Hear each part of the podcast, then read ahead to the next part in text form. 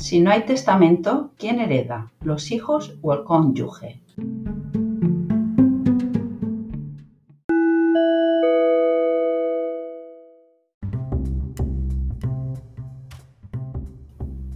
En Cataluña, cuando la persona fallecida muere sin haber otorgado testamento, serán sus hijos los que hereden la propiedad de los bienes del difunto. El cónyuge solo heredará la propiedad de los bienes del fallecido si éste no tenía ni hijos ni nietos.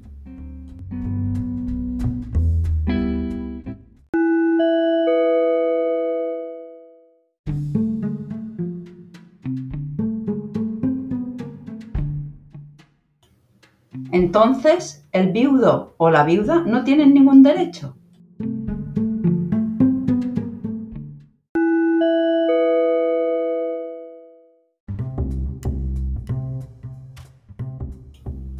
No, la ley catalana le concede una serie de derechos como el ajuar de la vivienda, el año de viudedad, el usufructo sobre los bienes de la herencia y el derecho de usufructo de la vivienda conyugal.